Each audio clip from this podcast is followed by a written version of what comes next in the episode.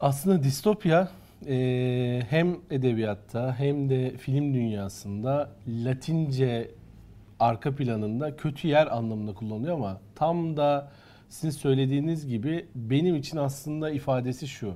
Hayata dair biriktirdiğin cerahatlerin bir şekilde akışı. Ve o cerahatler bir yerde birikiyor, birikiyor, birikiyor ve bir yerden sonra akıyor. O cerahat aktığı zaman kötü bir ortam, kötü bir e, sanki tat bırakıyor gibi kalıyor ama aslında orada baktığınızda onun akışında hayata dair belli rahatlamalar oluyor. Belki orada belli mucizeler görüyorsunuz ve ondan sonra hayat daha stabilize oluyor.